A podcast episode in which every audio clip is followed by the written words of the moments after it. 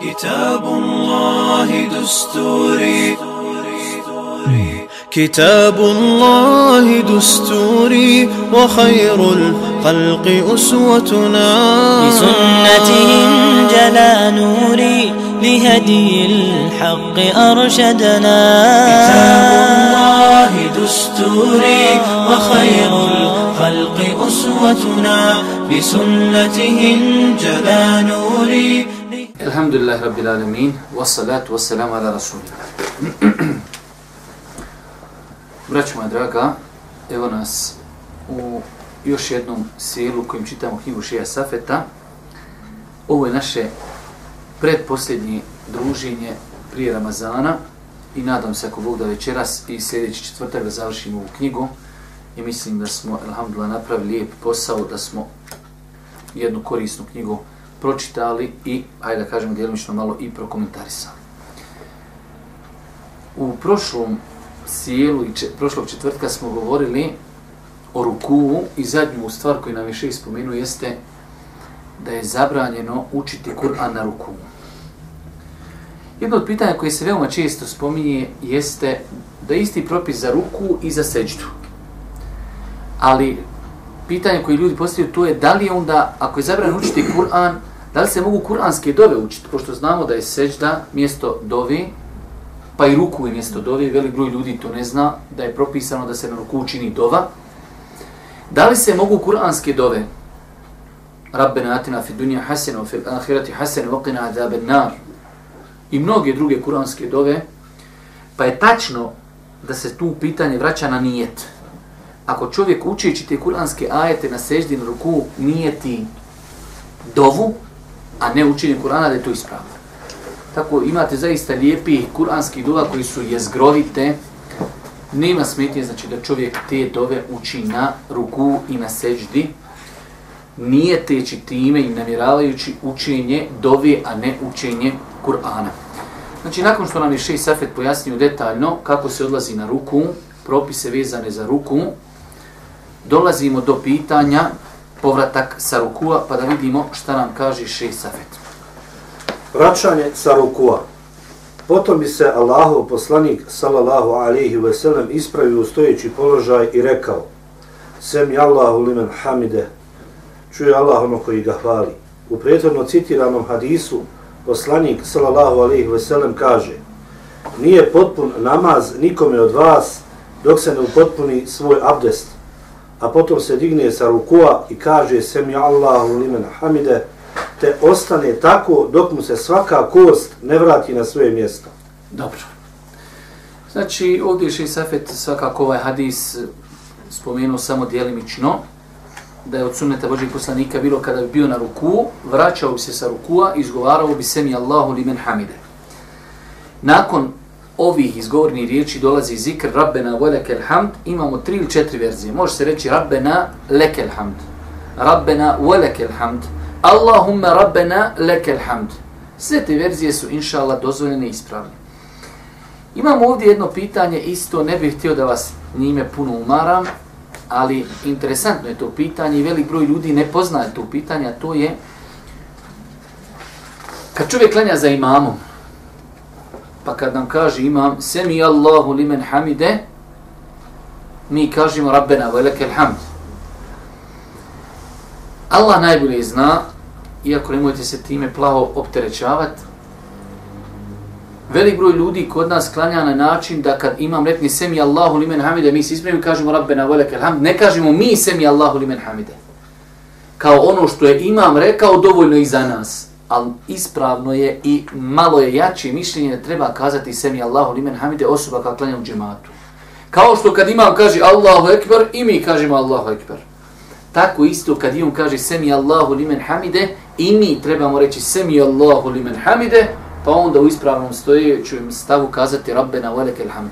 Velika, velika većina ljudi to ne govori i stav većine učenjaka je da se to i ne govori stavi mama Šafije bio da se izgovara to semi Allahu limen hamide, bez obzira da se klanjalo pojedinačno ili u džematu i ja nagnjem to mišljenju da je bolje da se semi Allahu limen hamide izgovara i kad se klanja u džematu.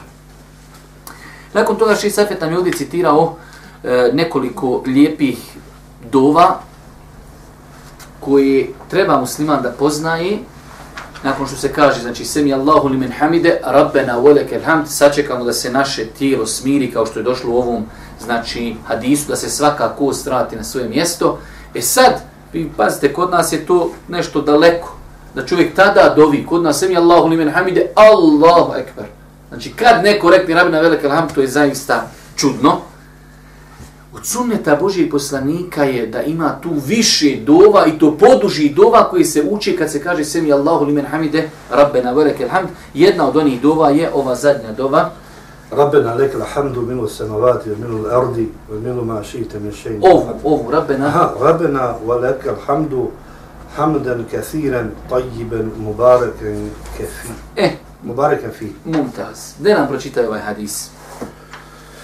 Kada je završio namaz, poslanik sallallahu alejhi ve sellem upitao je ko je onaj što je, što je rekao to i to.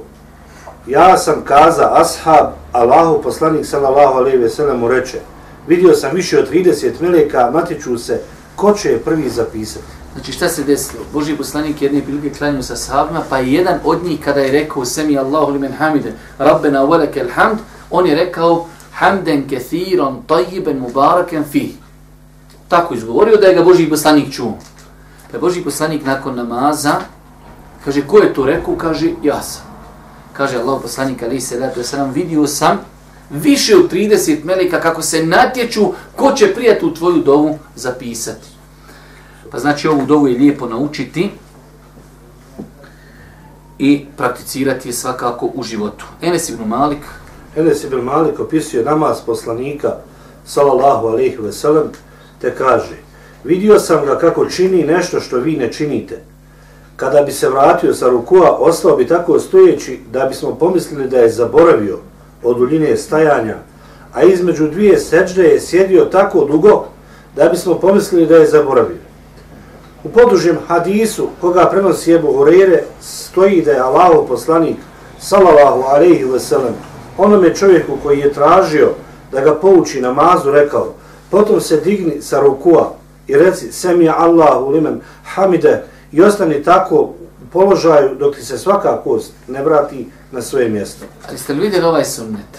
Znači to je zaista rijetkost i zato Enes kaže tabi'inima vi to ne činite. Kad to oni nisu činili, onda smo mi daleko. Kaže, vidio sam ga, e, kada bi se vratio sa rukua, ostao bi tako stojeći da bismo pomislili da je zaboravio da je u namazu. Sami Allahu li men hamide rabbena velike hamd i ostao bi toliko dugo da bi oni pomislili je li Boži poslanik u namazu ili nije, toliko dugo bi ostao. I između dvije sežde isto tako. A kod nas je Allahu ekber, Allahu ekber, Allahu ekber, Allahu ekber, dvije sežde otreseš za tri sekunde. Boži poslanik bi toliko sjedio, dovio, jer u namazu, zapamte večeras, ne ima period kad se šuti. U svakom periodu ima nešto što se uči. A nekada su to i dove Božih poslanika, ali se rad sam pa je tako, znači, braću moja draga, e, ovo jedan sunnet zapostavljen, zapostavljen, da čovjek kada se vrati sa rukua, kad se vrati na kijam, da rekne se mi Allahu limen hamide, Rabbena velike alhamd, hamden kathiran, tajiben, mubarakan, fihi mil esema'i, u mil ardi, u mil ema ši'te min še'im ba'da i tako dalje. Znači, te dove se sve uče stojeći. Nakon toga šta nam dolazi? Odlazak na seđnu, ali imamo prije toga još nešto. Znači, imamo pitanje, kada se čovjek vraćao sa rukua, mi smo rekli da se tada dižu ruke, šta ćemo sa rukama? Hoće li čovjek svezati ili će ih čovjek spustiti? Znači, bili smo na ruku, Semi Allahu li men hamide, dižemo ruke, Rabbena velike alhamd, hamden kathirom tajbe mubarakem fi. Šta ćemo s rukama? U toku učenja dovi. Da li ćemo ih spustiti ili ćemo ih svezati, da vidimo šta nam kaže Šisafet. Islamski pravnici po ovom pitanju imaju dva mišljenja. Prvi smatraju vezanje ruku nakon rukua legitimnim i njihov dokaz su sljedeći. Prvi, Vajal ibn Huđr kaže, klanjao sam sa poslanikom sallallahu alaihi ve sellem, pa je stavio svoju desnu ruku preko lijeve na prsa.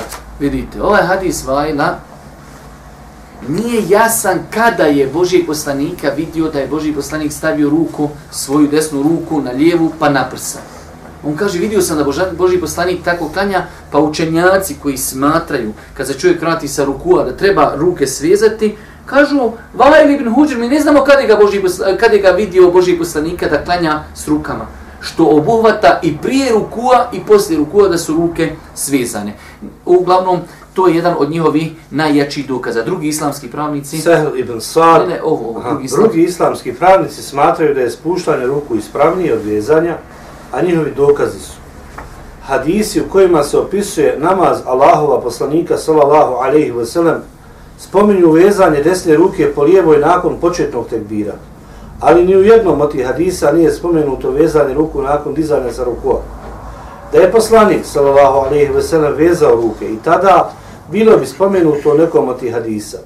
Kao što je navedeno, vezanje ruku prije rukua, to jest posle početnog tekbira, budući da nije preneseno, znači da to poslanik sallallahu alejhi ve sellem nije ni činio.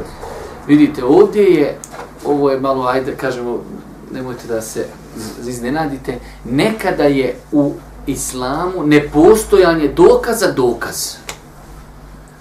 Ovi učinjaci koji kažu, kad Boži poslanik kaže Semi Allahu limen hamide, rabbena velike ilham, kaže treba ruke spustiti. Zašto? Zato kaže što ne postoji dokaz da ih je vezao. Da ih je on vezao neko bi od, od ljudi koji je pre, prenosio svojstva Božih poslanika njegov namaz, rekao bi pa je potom svezao ruke. Pa ne postoji jasan dokaz, pa je nepostojanje dokaza dokaz. Oni imaju drugi dokaz, a to je ono kada je Boži poslanik rekao onom asabu, vrati se tako da ti se svaka kost vrati na svoje mjesto. Vraćanje svake kosti na svoje mjesto jeste da čovjek spusti ruke. Ako ovako stavimo ruke, kosti se nisu vratile na svoje mjesto, jer znači neke smo kosti pomjerili. U svakom slučaju da vidimo šta nam Ši Safet nakon toga kaže, e, preferirajući mišljenje. Prioritetnije mišljenje. Očito je da su dokazi obje skupine zasnovani na različitim razumijevanjima hadisa i da ni za jedno mišljenje ne postoje jasni argumenti. Ono što razumije svaka strana i svojih dokaza ispravno je i zbog toga kažemo ono što je rekao imam Ahmed. Po drugoj verziji, kada je pitan o ovom pravnom pitanju, kazao je da je dozvoljeno i jedno i drugo. Dakle, onaj ko veže ruke nakon rukua ispravno postupa, ako ne veže, također ispravno postupa. Ovo je, Allah najbolje zna. Ovo je Allah najbolje zna tačno. Znači, kada je u pitanju povratak sa rukua, čovjek ima mogućnost ili da sveže ruke ili da ne veže, čak da nekad praktikuje jedno, nekad drugo, inšala, i to je ispravno. Znači, imamo tri verzije, inša šta god da čovjek odabire, ispravno zelo. Znači, može čovjek nakon povratka sa rukua podići ruke i svezati. Može podići ruke i spustiti. A može nekad podići, nekad spustiti. Tako da e, to pitanje nije mnogo precizirano i ne treba od njega praviti nikakav bauk. Imamo ovdje jednu napomenu, kaže Ši Safet, napomena. Neobhodno je upozoriti na grešku koju čine pojedini klanjači dižući pogled prema nebu nakon vraćanja sa rukua. Znate kako to izgleda? Kad ljudi kažu Semi Allahu li hamide i pogledaju ovako u nebo. Uzviše... To je ta greška. Nastavi. Uzvišeni Allah dobro zna šta je u prsima ljudi i zna sve javno i skriveno.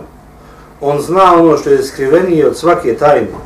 Nije potrebno dizati svoju glavu i pogled prema nebu da bi Allah čuo dovu svoga roba.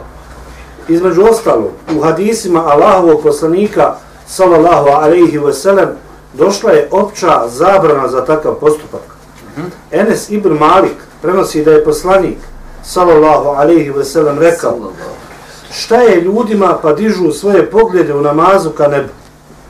Ponavljajući to nekoliko puta, a potom je rekao, ili će prekinuti to činiti, ili će im njihovi pogledi ostati ukočeni. Ste vidjeli, znači ovo je neispravno zbog opće zabrani. Boži poslanik je u namazu zabranio da se diže pogled u nebo. U namazu inače možete, e, pogled se može podijeliti u tri kategorije. Imamo ono što je zabranjeno, to je pogled u nebo, imamo pogled pravo, to je nešto što bi mogli nazvati muba dopušteno. Jer imate hadisa da su asabi, kaže, Boži poslaniče, mi smo vidjeli da ti nešto učiš. Znači, oni su gledali u visini svoje, znači, hajde da kažemo, glavi, jer su vidjeli da Boži poslanik nešto uči. Imamo treći najpovalniji, e, znači, pogled u namazu, jeste da čovjek gleda u mjesto seždi. Pa znači, mjesto seždi to je pohvalno, dopušteno je da čovjek gleda pravo, dopušteno je da čovjek gleda pravo, a zabranjeno je da čovjek gleda u nebo i to strogo. Zemljeno da Boži poslanik do te mjere kaže ili će ljudi prestati, ili će im se njihovi pogledi ukočiti. I pazite, ja ću vam navesti jednu predaju, ima oko nje malo razilaženja, ali navodi učenjaci kao vjerodostojno.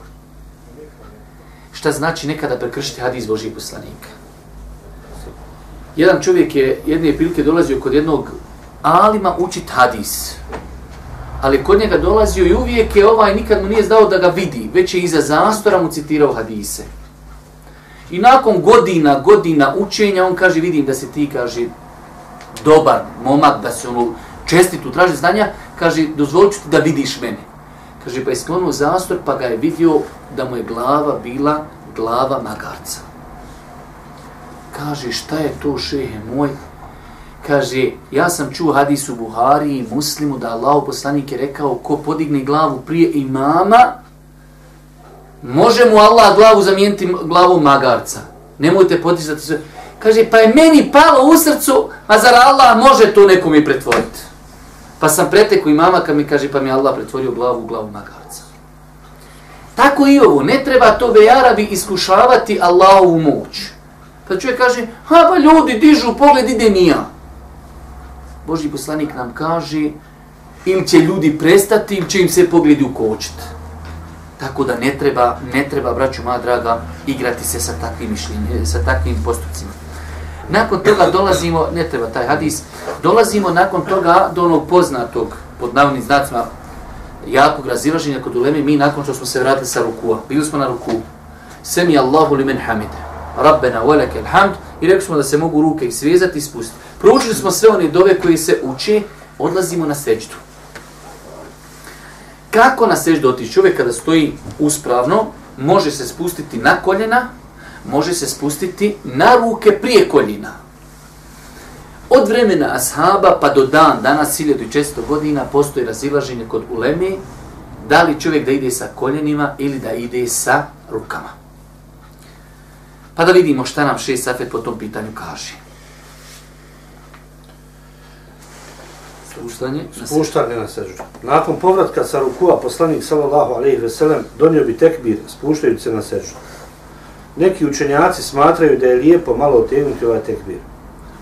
Islamski učenjaci su se razišli da li se prvo spuštanje da li se prvo spuštaju ruke na zemlju ili koljene.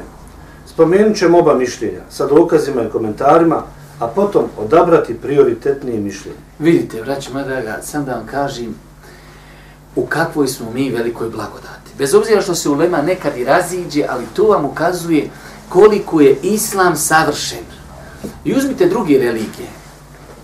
Uzmite, uzmite kršćanstvo, uzmite druge religije. Kod njih nemate pojašnjene propise o najkrupnijim njihovim kao ibadetima. Kod nas u islamu prenijeli su ashabi da Boži poslanik nešto uči da mu se miče brada. Prenijeli su kako je micao prst. Prenijeli su je li ide prvo rukama ili nogama. Iako to nije sržna maza. Sržna maza je naš odnos prema Allahu. Ovo, da li će čovjek ići koljenima ili rukama, to čovjeka ne treba mnogo opterećavati, koliko ga treba opterećavati, ta njegova veza sa gospodarom ali je naša vjera toliko savršena. Da je preneseno, je li Boži poslanik ovako održao prst ili je malo i micu još. To su sitnice, ali je to pokazatelj savršenstva Islama. Da su stvari tako precizno prenesene do u najsitnije detalje. I to kako? Sa lancem prenosilaca. Pa je to sve zabilježeno sa predajama rekao taj, rekao taj, rekao taj, rekao taj, da je rekao Boži poslanik. Pa znači, braću moja draga, u ovom pitanju, da li će čovjek prvo ići koljenima ili rukama, imaju dva mišljenja. Prvo mišljenje je da će čovjek ići rukama. Znači, prvo spusti ruke, pa spusti onda koljena i ide na seđdu. Ima drugo mišljenje da ide ono malo više vertikalno, spusti koljena, pa onda čini, znači, seđdu. Ali a, vidjet ćemo šta nam šest safet o tome kaže Bojrum. Ebu Hureyre prenosi da Allahov poslanik sallallahu alaihi ve sellem rekao Ko bude činio seđdu, neka spusti ruke prije koljena i neka spuštajući se ne, opona, ne oponaša devu. Ovo je, braću me draga, jedan ključni hadis u pogledu ovog pitanja. Ko bude činio seždu, neka spusti ruke prije koljena. I neka spuštajući se ne oponaša devu. I ovdje u ovom hadisu došla dva problema. Vidjet ćete, poslije šest će o to me detaljno govoriti, mi ćemo to preskočiti, nećemo detaljisati.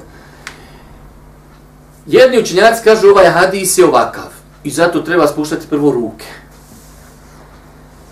Drugi kažu, a to ima u islamu, da nekad prenosioc hadisa jednostavno ljudi koji danas ti čovjek kažeš bio sam na utakmici, bilo je 3000 gledalaca. I on to ispriča prijatelju, prijatelj, ispriča prijatelj, prijatelj, prijatelj, već četvrti kaže 20.000 je bilo, kaže, gledalaca na, na, na utakmici. A ovaj prvi počeo sa 3000 insan može pogriješiti. Pa se nekad u hadisima desi da ashab nešto čuje poslanika, ali zamijene dvije stvari. Pa imate onaj poznati hadis sedam osoba koji će biti u hladu Arša. Pa jedna od sedam je, kaže, insan koji je dao sadaku tako tajno da mu, desni, da mu ljevica ne zna šta je dala desnica. Jer desnica daje sadaku. Ima rivajet jednog ashaba koji je pogriješio. On kaže, ne zna mu desnica šta mu daje ljevica. E, pa kažu ovi učenjaci jedni, ovaj hadis je ovakav. Prvo spustite ruke pa koljena. Kažu drugi učenjaci od njih Ibn Qajim, kaže ne, tu je prenosioc pogrešio. Tijelo je da rekli prvo spustite koljena pa ruke, kaže on je prevrnuo, tu se hadis zove maklub, prevrnuti hadis. Ali ovaj hadis je rodostojan. Je rodostojan da je Boži poslanik rekao prvo spuštajte ruke, nakon toga spuštajte koljena i nemojte oponašati devu. Prvi problem je znači da li je hadis maklub, da li je prevrnut ili nije.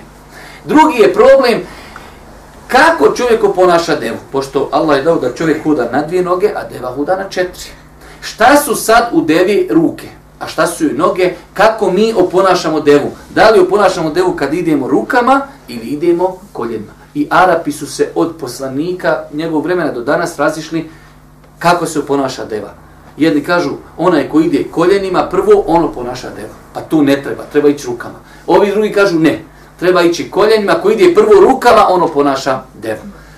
Pa znači, imamo sljedećni mišljenje koji zastupu šeju islamim temije, koji kaže da je to pitanje nije toliko precizirano, da može čovjek nekad ovako, nekad onako, i Allah ne bi zna, možda, možda je to možda i najtolerantnije mišljenje. U svakom slučaju, znači imamo dva stava, ne treba, braćo moja draga, samo oko ovih pitanja polemizirat i ne treba pretjerivat. Ok, evo ja sam odabrao da je ovaj hadis jerodostojan, da ću ići rukama. Neko drugi ide prvo koljenima. Brate, prije tebe je bilo u Leme 1200 godina koji su kazali po tom stavu. Radiš ti po tom stavu, ja prvo spuštam ruke, ti prvo spuštaš noge, a neko danas spušta ruke, sutra spušta noge. Ilhamdulillah, opet smo braća muslimani pa ne smiju ova pitanja, ni dizanje ruku, ni vezanje ruku, ni micanje prsta, ni izgovor amin, to nikako ne smije da bude razlogom, uh, hajde da kažemo, ne daj Bože, razdora među muslimanima. Dobro, drugo mišljenje. Dokaz učenjaka koji zastupaju spuštanje koljena prije ruku. Enes ibn Malik, opisujući namaz Allahovog poslanika, salallahu alihi veselem, kaže, potom se je spustio na seđdu tako da su koljena pretekla njegove ruke imamo hadis, šta kaže u komentaru? U lancu prenosilac ovog hadisa ima Ala ibn Ismail el-Attar, koji ima anonimnu biografiju, tako da hadis ne može ispunjavati Buharine i muslimove kriterije kako smatraju neki učenjaci. Imam Bejheki kaže, ovaj hadis prenosi samo Ala ibn Ismail el-Attar, a on je nepoznat mežhul. Ibn Ebi Hatim u el-Ilelu kategorički tvrdi, ovaj hadis je ništavan. Znači, pazite, inače uzmite sve pravilo, kad neko piše kvalitetnu knjigu, prvi dokaz uvijek stavlja najjači. I vidite ovo drugo mišljenje, vidite se malo prije kod onih da se prvo spuštaju ruke, vjerodostojen hadis. Kod ovih koji kažu prvo se spuštaju koljena, on su od nas spomenuli najjači dokaz i u, u lancu tog hadisa ima čovjek međhul. Pogledajte koliko islam savršen. Možda je taj čovjek bio stotka, vr, ali je nama on nepoznat u islamu je dovoljno da si nepoznan da se od tebe hadis ne privata. Znači čovjek, Allah ne bi zna između njega i Allah možda je bio pobožan, nikad životu nije slabo, prenosi vjerodostojne hadise, ali niko ne zna o njemu koje šta je. To je u islamu dovoljno da je hadis. Znači da bi bio sahih hadis, mora se znat ko si, šta si i kakav si. Subhano. Ima li negdje savršeniji vjeri od islama? Znači, pazi, ovo niko nije, kad neko rekne za nekog međhul, to nije kritika ni gibet. Samo kaže, jednostavno sad zamislite vi, kaže nama sad neko ispriča priču. Kaže mu, od koga si ti čuo? Od muje. Aha, znamo muju. Od koga si Muju tička? Od Hasi. Znamo Hasu. Hasu, od koga si ti čuo? Od muje opet nekog tamo. Ko je mujo? Kažu, ne znamo ga. Završi. U islamu gotovo. To se ne prihvata. Možda taj mujo drugi, taj čovjek govori istinu 100%. A u islamu da i hadis. Međhul. Znaste kad nam dođe danas Ebu Šaraf i Ebu Tokmak i ti ne znaš ni ko je, ni šta i potpiše se pod fetvom, pod politička dešavanja, analize, ovo, ono, ko je Ebu Tabla. Nije baš. Međhul odbacujemo sve što dođe od Međhula. Ime, prijezime, datum rođenja, ko si, šta si, gdje si i sve, sve se mora znati. Pa znači, ovaj njihov najjači dokaz nije vjerodostojan dokaz, znači u lancu njegovog prinoslaca ima e, insan koji je međhul nepoznata moje biografija. E, idemo na drugu stranicu, ne treba da se puno umaramo o, ovim pitanjima, e, preferirajući mišljenje. Nakon iznesenih dokaza dviju strana vidi se da je prvo mišljenje građeno na jačim pravnim argumentima i da su hadisi o spuštanju ruku prije koljena jači od onih koje navodi druga strana. Hafiz ibn Sejidin Sejidin, Sejidin nas. nas kaže hadisi o spuštanju ruku prije nogu koljena jači su i prioritetni za postupanje po njima. To je dosta. Znači, braću moja draga, samo ćeš nam još na kraj ovdje neki učenjaci. Neki učenjaci odobravaju jedno i drugo, a na njihovom čelu je šejhul Islam ibn Tejmije. Imam Nevovi kaže da se ne, mo ne može opredijeliti za jedno od ova dva mišljenja, a Allah najbolje zna. Znači, braći moja draga, insan koji je na naučnom nivou toliko da može čitati ovu knjigu Šeha Safeta, pa izvaga dva mišljenja, odabiri sebi jedno, alhamdulillah. Ako čovjek ne može, znači, izabrati sljedeće nekog od ljudi kojima on vjeruje njihovom znanju, a ako bi čovjek nekad radio ovako, nekad radio onako kao što je preferirao šeho Islam ibn Tejmije, opet ne bi pogriješio. E, iako ovo pitanje je za jednu, nazovimo je jedan stepen, malo teži od onog pitanja povratak sa rukua pa dizanje ruku, da li se vežu ili ne. Zato što u ovom pitanju, kad smo se vratili sa rukua, nema hadisa koji nešto zabranjuje. Pa da li ćeš ti uraditi ovako ili ćeš spustiti, nema zvezi. Ali u spuštanju čovjeka na seždu ima zabrana. Samo mi ne znamo kako se ta zabrana manifestuje. Pa je ovdje prioritetno da čovjek ima jedan stav. Ali ako bi pomišljali u šehu Islamu ibn Taymiye odabrao da nekad klanja ovako, nekad onako, pogotovo ako ima potrebu. Jer vi nekad imate ljudi, neko ima problem s leđima, nekim starijim ljudima je lakše da ide na ruke. Opet nekom je, kad je bolestan, lakše vući na koljena. Ako čovjek, ali ako čovjek radi neko od ova dva mišljenja zbog potrebe, uz Allahu pomoć, nema nikakve smetnje. Nakon toga, braću moja draga, nakon što smo bili na kijamu, odnosno vratili se sa rukua, to je ponovni kijam, to je rukn, moramo se potpuno smiriti da nam se, kao što je došlo u hadisu, svaka kost smiri, ok, odlazimo na seđdu na način kako nam je propisano, dolazimo sad do sljedećeg rukna, opet do seđdi. Onaj šeh od šeha Safeta, El Mešhur napisao jednu knjigu koja se zove Kaul Mubin fi Ahtaj Musallin. Govor, znači jasan govor u greškama ljudi koji čine prilikom klanjanja namaza. Pa imate za činjenje seždi određene greške i vjerujte, čovjek ako malo prati naš narod u namazu, vidjet ćete da ljudi dosta puta ne spuštaju čelo i nos primjera radi ja prije par dana gledam čovjeka stavi čelo, znači ne mogu da vjerujem kako je čovjek tako interesantno čini seždu, on seždu čini ovako gore na, na tjeme. Sežda je znači da se spusti obavezno i nos i čelo na zemlju. I tako imate još žene čine grešku kada spuste ruke na zemlju jer Boži poslanik zabranio ponašanje psa na seždi. I tako dalje. U svakom slučaju seđda kao sežda je temelj, rukn i čovjek kada ode na seždu mora se potpuno smiriti da bi taj njegov rukn bio potpun, pa da čujemo šta nam je šeh kazao. Poslanik sallallahu alejhi ve sellem kaže: "Ruke čine seždu isto kao i lice, pa kada kjednete učiniti seždu, spustite svoje ruke, a kada se budete vraćali, dignite svoje ruke. Skupio bi ručne prste jedan do drugoga, okrenuvši ih u pravcu kible. Ovo usmjerenje ručnih prstiju prema kibli je sunnet, a po konsenzusu islamskih učenjaka, po konsenzusu islamskih učenjaka. Znači kad čovjek čini seždu, normalno će ruke znači staviti da su mu prsti okrenuti prema kibli. Nekada ja sam gledao ljudi e, okrenu ovako ruke. E, to je sunnet. Pazite, mi kroz ovu knjigu imali smo priliku da se naučimo mnogim sunnetima. Stvari koje nisu obavezujući, da i čovjek nikad u životu ne radi, neće mu namaz biti pokvaren, ali nam je bitno ako je već nešto preneseno od Božih poslanika. Pa makar to i ne utjecalo na ispravnost namaza, nama je bitno da to znamo praktikovati. Pa znači kada čovjek ide na sežnu, kada spusti svoje ruke, pazite, sve je preneseno od Božih poslanika. Gdje se ruke spuštaju, koliko će se raširiti, kako će biti podlaktice, kako će biti noge, znači sežda Božih poslanika je prenesena znači potpuno. Pa da vidimo šta nam kaže još šest safet. Ovu, uh, njegove ruke dlanovi bi? Njegove ruke dlanovi bi bili paralelni sa ramenima. Ponekad bi činio seždu između svojih ruku, to je stavio bi ih u ravnini ušiju. Svoje čelo i nos pritisnuo bi dobro na zemlju. Znači vidite, nekad čovjek vidi čovjek klanja, ovako raširi ruke. Ne. Znači, da ruke budu tu u, u širini njegovi ramena kad spusti, znači ili eventualno da malo još pomakni, pa da svojom glavom čini seždu između, između ruku. Sve je pojašnjeno precizno. Dobro, nastavi. Vjerovjesnik sallallahu alejhi ve sellem rekao je kada činiš seždu, pritisni čelo na zemlju. U drugoj predaji poslanik sallallahu alejhi ve sellem kaže: Kada činiš seždu, pritisni sve dok ne osjetiš opseg zemlje. Ibn Abbas bi koljena razmaknuo jedno od drugog i ne bi, nasle, ne bi naslenao svoj stomak na nadkoljenice. Nožni prsti. Nožne prste bi povio i usmjerio i prema kibli. Usmjerenje nožnih prstiju prema kibli je sunet po koncenzusu islamskih učenjaka.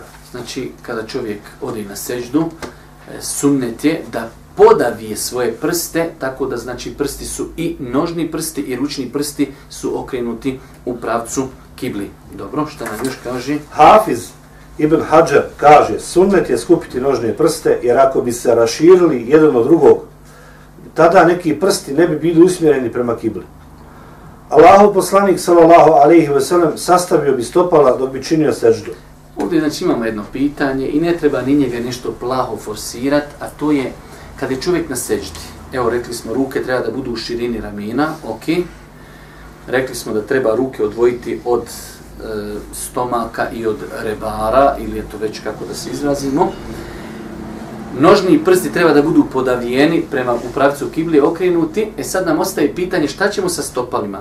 Da li ćemo onako kako smo stajali i učinili seždu stopala ostaviti na istom mjestu ili ćemo kad odemo na seždu stopala spojiti jedno uz drugo.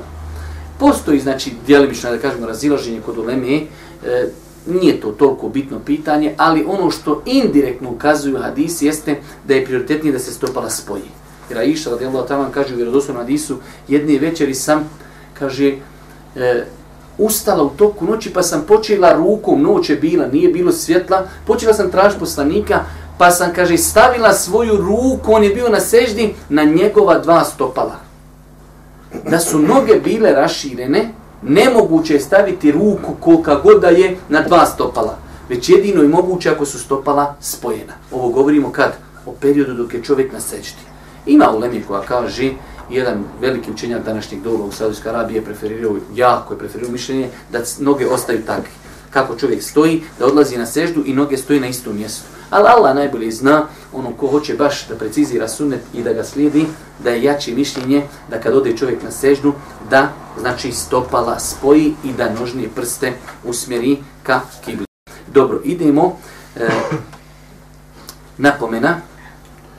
Neki klanjači dok čine seždu spuštaju svoje podlaktice na tlo, Izvini, molim te, sam ovdje, ovo je primjetno, to nam je... Primjetno je da neki klanjači ne spuštaju nos na zemlju kada čine seđdu, to je velika greška. Ibn Abbas prenosi da je poslanik sallallahu alejhi ve sellem rekao: Nema namaza onaj čiji nos ne dotakne zemlju.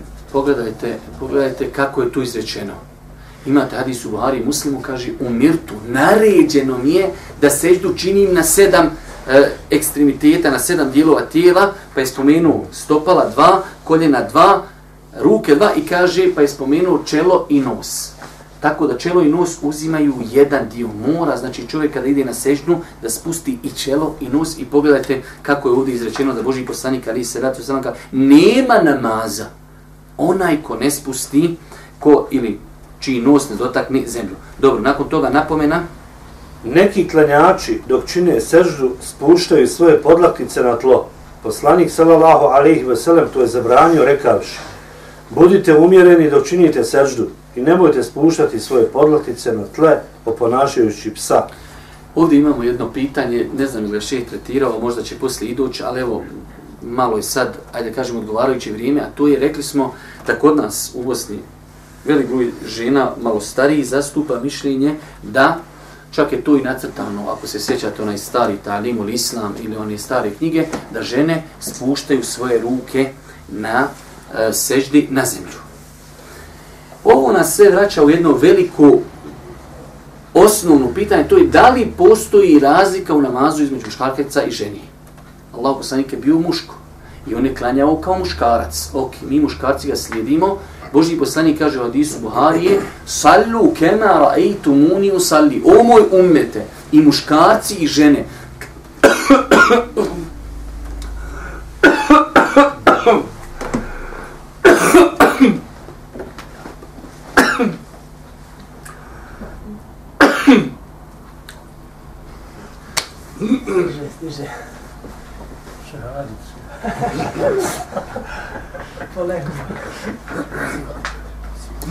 Ma može nafti.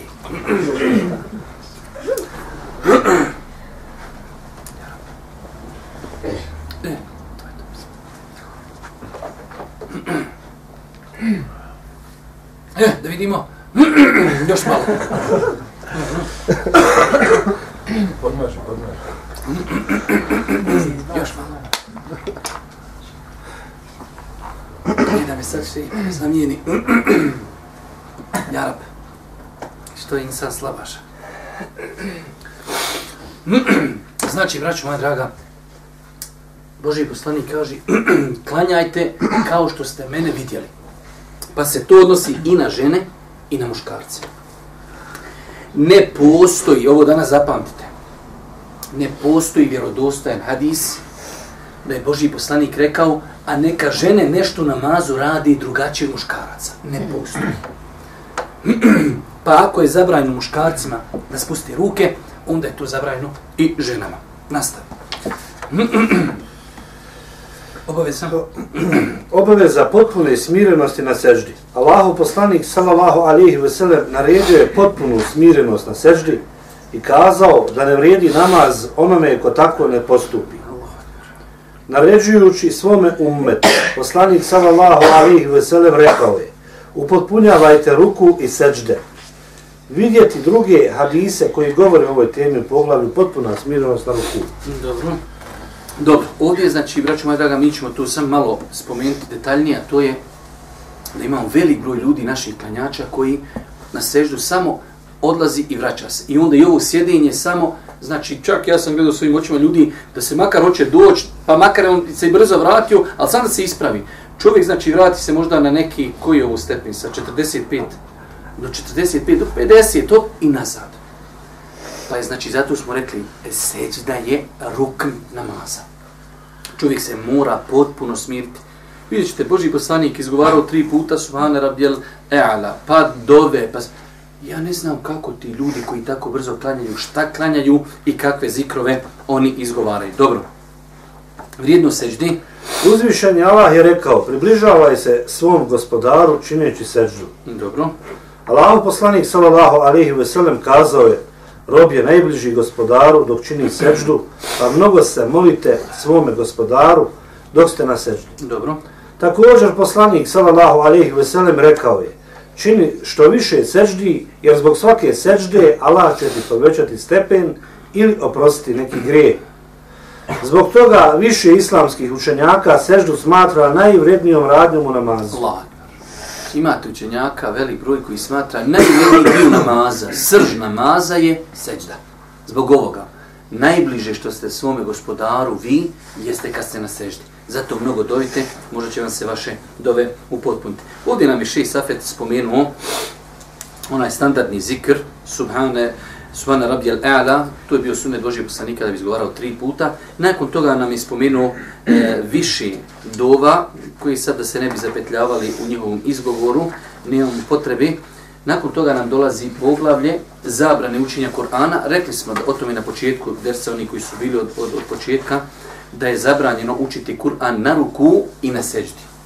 Istoga se izuzima učenje kuranskih dova ako čovjek namjerava time baš sam danas čitao odgovore od određenih šehova, pa su spomenuli da se to pitanje vezuje za hadis innemel a'malu bin nija, djela se vednu po namjerama, što znači ako čovjek tim dovama želi dovu, a ne učinje Kur'ana, inša Allah, to ne potpada pod tu zabranu. Dobro, vraćanje sa prve sežde. Znači, Ši Safet nam je pojasnio, bili smo, prvo počeli smo današnje predavanje, od, bili smo na ruku, pa smo se vratili. Čovjek podiže ruke, može da ih sveže, može da ih spusti prouči semi Allahu limen hamida rabbena wa lakal hamd i prouči na ostale dove. Nakon toga odlazi na seždu, pa smo rekli može da ode na seždu spuštajući ruke i to je malo jače mišljenje, a može ako ima potrebu zatim da spušti koljena. Odlazi na seždu, pa smo seždu potpuno opisali da treba da bude na sedam e, znači ekstremiteta naših nadlanove, koljena, e, prste nožni i da bude čelo i nos obavezno spušteni. Bili smo na seždi, rekli smo Subhana Rabbi al-A'la tri puta, Subuhum Kudusu, Rabbul Melaiketi, Vor Ruhi i druge dove koji su prenešene od Božih poslanika, ali se ratu sram, vraćamo se sa seždi. Ovdje treba brati opet pažnju, velik broj ljudi, naših bošnjaka, kada klanja, ne upotpunjava ovaj dio namaza, da se potpuno vrati i da u tom periodu imaju dove koji se dove. Velik broj ljudi nikad nije ni čuo, ni pomislio da se tu neke dove uče. Pa da vidimo šta nam kaže še. Poslanik sallallahu alejhi ve sellem digao bi svoju glavu sa seđde, donoseći tekbir. Poučavajući jednog ashaba namazu, poslanik sallallahu alejhi ve sellem kazao je: Potom donesi tekbir i digni glavu sa seđde. Nije potpun namaz onoga ako tako ne čini. Nakon toga bi sjeo na svoju lijevu nogu, a poveo bi prste desne noge, usmjerivši ih prema kibli. U poslanikovom sallallahu alejhi ve sellem sunnetu navodi se i drugi način sjedenja između dvije sežde, tako da prsti obje noge budu povijeni i usmjereni prema kibli, dok stopala ostaje uspravljena i spojena kao za vrijeme sežde. A klanjač sjedne na poleđinu svojih peta. To bi sad bilo najbolje ovdje pokazat, ali onaj, pošto kamera neće vidjeti to, onaj, uglavnom imamo znači onaj standardni način sjedenja, a to je da lijevu nogu ono oborimo i na nju sjednemo, a desna noga, pod, znači pored nje sjednemo i prsti su okrenuti prema kibli. Imamo drugi način i to je preferirajuće mišljenje. Jer imate da je Boži poslanik zabranio jednu vrstu sjedenja u namazu, ali su kazali islamski učenjaci da se to ne odnosi na u ovom periodu između dvije sežde. Kada bi čovjek tako sjedio na etehijatu, bilo bi zabranjeno. Pa je to sjedinje dozvoljeno samo kad? Kad se vraćamo sa sežde. Tako ne možemo sjeti na etehijatu. A to je znači da čovjek onako kako je bio na seždi, spoljena su mu koljena i e, spojena su mu dole stopala i prsti okrenuti prema kibli, tako da noge ostavi. I samo da se vrati, znači, povijenih, znači, prstiju, ispravljeni stopala i čovjek sjedni na svoje pijete. To može samo kad, između dvije sežde.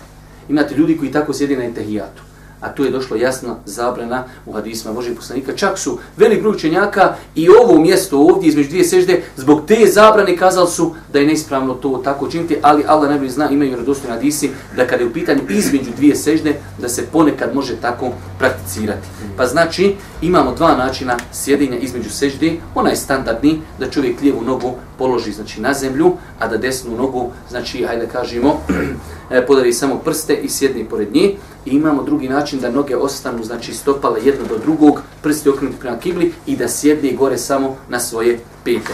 Dobro, nakon toga, šta nam kaže ši? Kada Ibn, Abba, kada Ibn Abbas upitan o sjedljenju između dvije sežde na ovakav način, rekao je, tako je činio poslanik sallallahu alaihi wa sallam. Isto ovo se prenosi od Ibn Omera. Poznati Tabiin Taus kaže, vidio sam Abdullaha ibn Abbasa, Abdullaha ibn Amra i Abdullaha ibn Zubeira, da tako je sjedio na namazu. Dobro. Dove između dvije sežde. Imam ovdje nekoliko dova koje ovi koji imaju knjigu svakako nije loše. E, ova jedna dova je jezgrovita sa mnogo značenja. Allahumma gfirli, warhamni, wajburni, wa'afini, wahdini, warzuqni. Allah moj, oprosti mi, smiluj se mi, pomozi, pomozi mi, uzdigni me, uputi me i obskrbi me. Čovjek u šest riječi traži dobro i dunjalko i ahireta. Gospodaru, oprosti mi, smiluj mi se, pomozi me, uzdigni me, uputi me, obskrbi me. Ako ti Allah oprosti, i ako ti se smiluje, i ako te pomogni, i ako te uzdigni, i ako te uputi, i ako te obskrbi, obskrbi, šta ti više treba na dunjalku? Pa je dovio Boži poslanik u ovom periodu, znači kada bi se vratio sa, sa sežde, u tom periodu bi dovio i nakon toga bi činio drugu seždu. Obaveza Obaveza potpune smirenosti između dvije sežde. Opisujući namaz jednom ashabu i poučavajući ga, poslanik sallallahu alejhi ve sellem je rekao: "Potom donesi tekbir i digni glavu sa sežde, te se potpuno smiri u tom položaju. Nije potpun namaz onome ko tako ne čini." Ponekad bi poslanik sallallahu alejhi ve sellem tako dugo sjedio između dvije sežde da bi ashabi pomislili da je zaboravio šta dalje da čini. Potom bi donoseći tekbir učinio drugu seždu na isti način kao što je učinio i prvu. Znači imamo ovdje onaj propis koji smo malo prije spomenuli, da je Boži poslanik ponekad toliko dugo između sežde sjedio da bi ljudi pomisli da li klanja, da li ne klanja. A tako isto rekli smo kad, na ruku. Imamo jednu malu napomenu. Neki klanjači pomjeraju prsti između dvije sežde. Ovaj postupak spominje Ibn Kajim i drugi. Međutim, on nije prenesen od poslanika sallallahu alejhi ve sellem pouzdanim putevima. Islamski učenjaci su prigovorili lancu prenosilaca hadisa koji govori o pomjeranju prsta između dvije sežde i smatraju ga iznimnim i neprihvatljivim. Znači ima ljudi, ja sam gledao svojim očima dosta puta, kada ljudi između dvije sežde miču prst. Allah Žešan najbolje zna, ima stav u Lemi koja je to e, smatrala validnim, ali Allah najbolje zna, gledano s aspekta hadijske nauke i hadisi koji govori o tome su, ajde da kažemo, iznimni i e, Allah najbolje zna, to ne treba činiti. Da, da uradimo još jedno lijepo ovo pitanje i onda ćemo ako Bog da se tu zaustaviti. Kratko sjedenje prije dizanja na drugi rekat. U opisu U opisu namaza Allahov poslanika sallallahu alejhi ve sellem dalje se kaže: "A kada bi digao svoju glavu sa druge sećde, sjeo bi nakratko, a potom bi se digao oslanjajući se rukama o zemlju." E, o čemu se radi? To se zove, braću moja draga, Arabi to zovu, iako koliko znam nije spomenuto nigdje u vjerodostojnim hadisma, kao po tim imenom džirsetun istiraha, da se čovjek malo odmori. Čovjek je znači bio na kijamu, bio je na ruku, vratio se, otišao je znači na sežnu, učinio je prvu seždu, pa je sjedio, učio dovu, otišao na drugu seždu, vraća se sa, pr sa druge sežde i ne ide direktno gore na drugi rekiat, već malo sjedni. E, pogledajte šta je šerijet i vjera. Kako se hadisi mogu shvatiti isti hadisi na različit način. Najviše hadisa koji govori o ovoj, ovom sjelu su hadisi da je Boži poslanik to činio kada bi ostavio. Pa kaže jedan broj ashaba, to je Boži poslanik činio zato što imao potrebu za tim, jer nije to radio u mladosti. Drugi učenjaci kažu, bitno je da je poslanik radio. Kad je radio, nas to ne interesuje. Je on radio? Jest. Po nama je to sunnet. Pa imamo stav da se to nikad ne praktikuje. Imamo stav da se uvijek praktikuje. To ovi kažu, jel on jednom radio? Jes, Treba uvijek raditi. Imamo treći stav gdje kaže, ako imaš zatim potrebu, ako si umoran, ako si stari, znači da kad sa se drugi seždi vratiš, želiš da ideš na drugi rekiat, da malo sjedniš par sekundi. To je znači, radi se o nekoliko sekundi. Čovjek samo sjedni, znači bukvalno ono odahne i ide na drugi rekiat. E da vidimo šta nam Šej safet o tome kaže. Postoji razilaženje među islamskim pravnicima oko ovog pravnog pitanja, iako se ovo kratko sjedenje navodi u vjerodostojnim hadisima. Imam Neovi, nakon što je citirao prethodni hadis u kratkoj pauzi, kaže Nema ni jednog hadisa da se kosi sa ovom predaju. Ovo potvrđuje predanje Ebu Humejda Esaidija, kada opisuje namaz poslanika sallallahu alaihi ve sellem, gdje između ostalog spominje i ovo kratko sjedenje. Uz Ebu Humejda je bilo još deset ashaba, svi su potvrdili da je Allahov poslanik sallallahu alaihi ve sellem tako klanjao.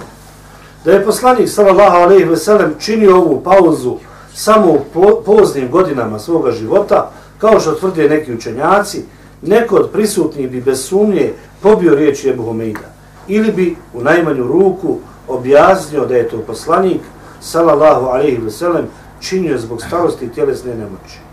Ovo mišljenje zastupaju Malik ibn el Huveiris, Ebu Humeid, Ebu Katade, Ebu Kilabe, Hamad ibn Zaid, Imam Šafija, Imam Ahmed, po zadnjem mišljenju, El Halal, Ishak, Davud ibn Hazm, većina učenjaka šafijske pravne škole i drugi. znači imamo, rekao sam ja otprilike rezime ovog pitanja, da imamo tri stava. Velika većina učenjaka je smatrala da je to propisano uvijek. Imamo stav da se to ne radi nikako i imamo stav ako čovjek zatim ima potrebu. I evo što nam kaže još i na kraju.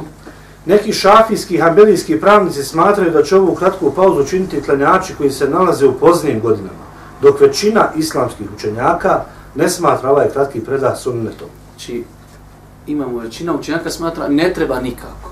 Imamo učenjaka koji smatra ako imaš dati im potrebu, imamo učenjaka koji kažu da se to praktikuje non stop. U svakom slučaju, Mm, hajde kažemo, ne postoji neki puno jasni argument. Imamo ovaj hadis od Ebu Humeida, iako, ajde kažemo, tu se vraća pitanje na razumijevanje ovog eh, momenta. U svakom slučaju čovjek šta god da odabere uz Allahu pomoć, njegov nijet je da slijedi a, sunet Božih poslanika, ali se radu sam. Pitanje koji se samo nameće, a to je ako već neko sjedi, da li u tom momentu ima kakav zikr? To je jedan, rekao sam vam ja u namazu, nema nešto kada se šuti, ono kao propisan šuti. Ali ova, e, ovo sjelo, ono kraje sekund, dva ili tri, hajde kažem, ne nešto ogromno dugo, tako da je to moment u kojim se ništa ne uči, ali evo da vidimo šta nam kaže šehr. Nije preneseno da je poslanik sallallahu alejhi ve sellem činio nešto od zikra na ovom kratkom sjedinju. Mi ćemo, braću moja draga, se ovdje zaustaviti nakon što smo, znači, danas, elhamdulillah, dio namaza od E, rukua obradili sve do, do povratka na drugi rekiat. Ostaćemo ćemo, ako Bog da, za sljedeći četvrtak imamo dosta ti nekih pitanja da obradimo. Ovdje ćemo se, ako Bog da, završiti. Subhanika Allahumma da bihamdike, šedem la ilaha ila instagfiruke, boje tubu ilik. Amin.